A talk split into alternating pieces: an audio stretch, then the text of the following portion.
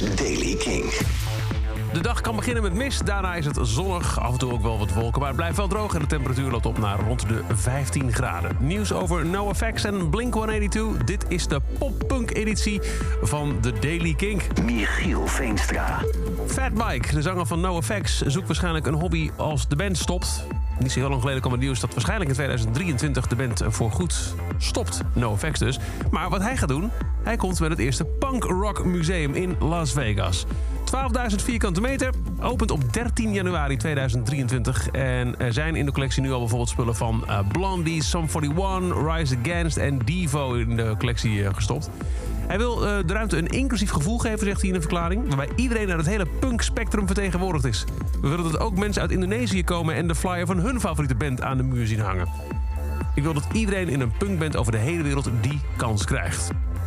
Hij wil een kerk van punkrock bouwen. Um, en heeft onder meer al uh, aan boord uh, Pat Smear van Nirvana en Foo Fighters... Tony Hawk en Kevin Lyman, de oprichter van de Warp Tour, als investeerders.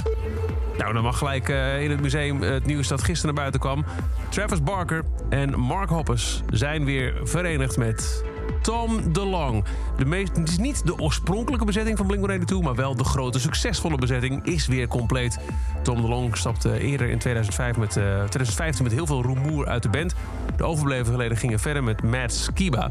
En nu gaan ze dus weer samen. En dat betekent een nieuw album is er aangekondigd. Er komt een nieuwe single, die komt vrijdag uit. En 8 oktober 2023, Kink Presents Blink 182 in de Ziggo Dome in Amsterdam. Kaartverkoop daarvan begint maandag 17 oktober om 10 uur.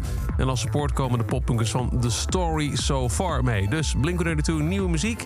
Vrijdag nieuwe single. Er komt een nieuw album. En 8 oktober volgend jaar staan ze in de Ziggo Dome in Amsterdam. Tot over deze editie van de Daily Kink. Elke dag een paar minuten bij met het laatste muzieknieuws en nieuwe releases. Wil je nou niks missen? Luister dan elke dag via de Kink-app of waar je ook maar naar de podcast luistert. En voor meer muzieknieuws en nieuwe muziek luister je s'avonds om 7 uur naar Kink in Touch. Elke dag het laatste muzieknieuws en de belangrijkste releases in de Daily Kink. Check hem op kink.nl of vraag om Daily Kink aan je smart speaker.